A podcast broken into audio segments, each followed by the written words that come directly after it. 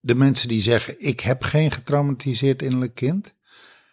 Zelfs die mensen hebben een getraumatiseerd innerlijk kind. Ja. Iedereen heeft dat namelijk. Ja. De ene meer dan de ander, Ja. dat, dat absoluut. Maar eh, je hebt allemaal trauma opgelopen. Hoe klein ook. Je bent allemaal wel eens een keer in een aspect in je leven niet gehoord, niet gezien, niet erkend en niet herkend. En dat is meteen het, de vierde misvatting. Innerlijke kinderen die willen helemaal niet dat je het verleden ontkent of mooier maakt.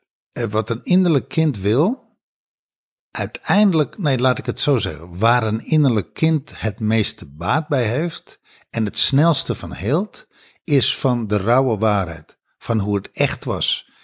En dat mogen voelen, mogen zien, mogen horen, mogen erkennen en herkennen.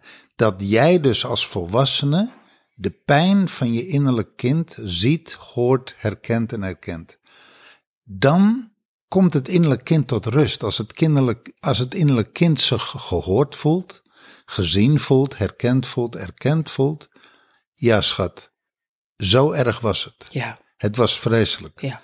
Je was veel te jong om zoveel leed aan te kunnen. Je was veel te jong om zoveel verantwoordelijkheid in je eentje te dragen. Je was gewoon een kind, je was te klein. En je hebt het moeten, ja, jij hebt het moeten dragen. Jij hebt het moeten doen. Jij hebt het moeten meemaken. Jij hebt het moeten verduren.